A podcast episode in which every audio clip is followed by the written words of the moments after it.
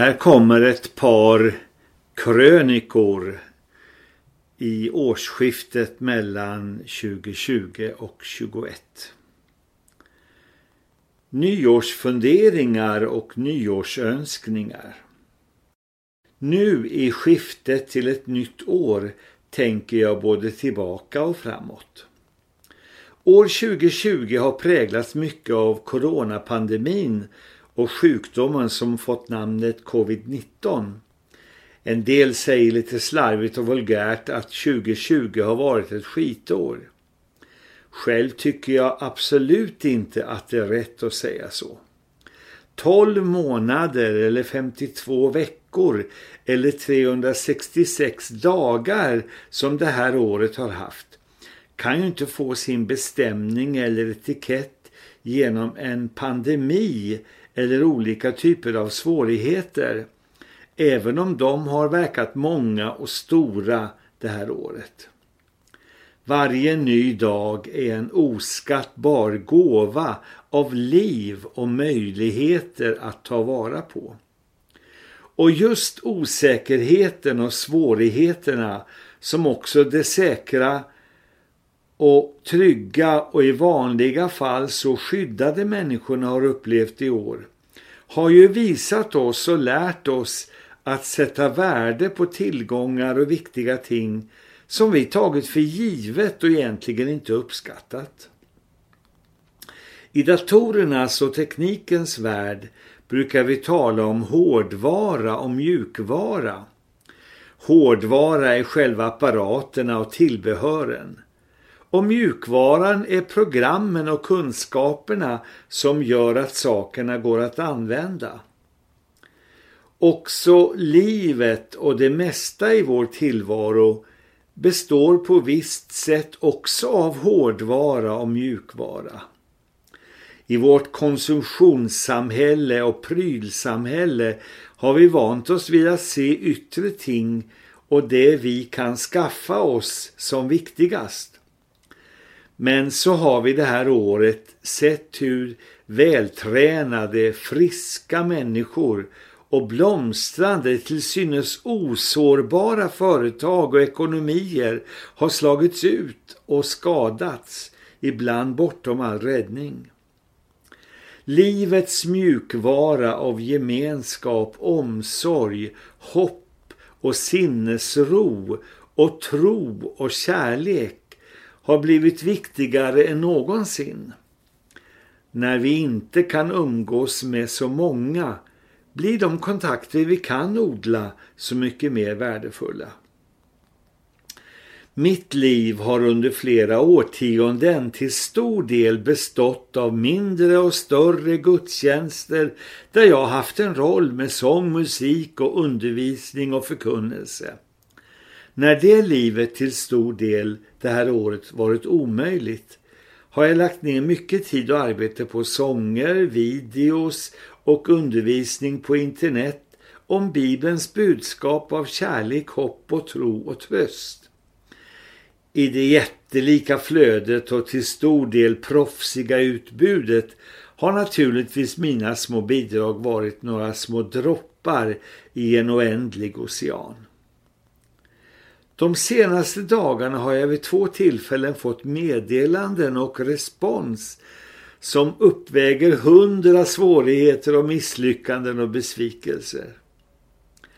En kvinna i min egen ålder som under det här året har haft mycket svårigheter med fysisk och psykisk hälsa hölls under en tid uppe av min video Tröst och uppmuntran i coronatid och såg den gång på gång flera tiotals gånger. Och en kvinna som nyligen miss sin pappa tackade för ett intervjuprogram jag gjort med honom för flera år sedan och lagt ut på nätet. Hon hade nu efter pappans död hört intervjun och tackade mig med orden Tack Ingvar att du har intervjuat min pappa. Jag är så tacksam att jag har hans röst nära mig alltid. Tack. Jag ger inga nyårslöften men jag brukar ha nyårsönskningar. Min önskan inför 2021 är att mer och mer hålla på med uppmuntran och tröst till andra. Att ge det, bud, det goda budskapet från Jesus Kristus och hans evangelium. Att visa och ge människor tid och uppmuntran och kärlek. Det är det viktigaste. Min viktiga förebild ska vara Barnabas, tröstens son, uppmuntraren, en av de kristna i första århundradets kyrka. Nu börjar strax ett nytt år med 365 dagar av skimrande möjligheter. Gott nytt år! Och så läser jag en liten krönika skriven strax efter nyåret 2021. Smittan jag vill ha. Jag gör en hel del för att slippa smittas av coronaviruset och jag ser med hopp och förväntan fram mot att så snart som möjligt bli vaccinerad mot covid-19. Men smitta kan i vissa sammanhang också vara något positivt.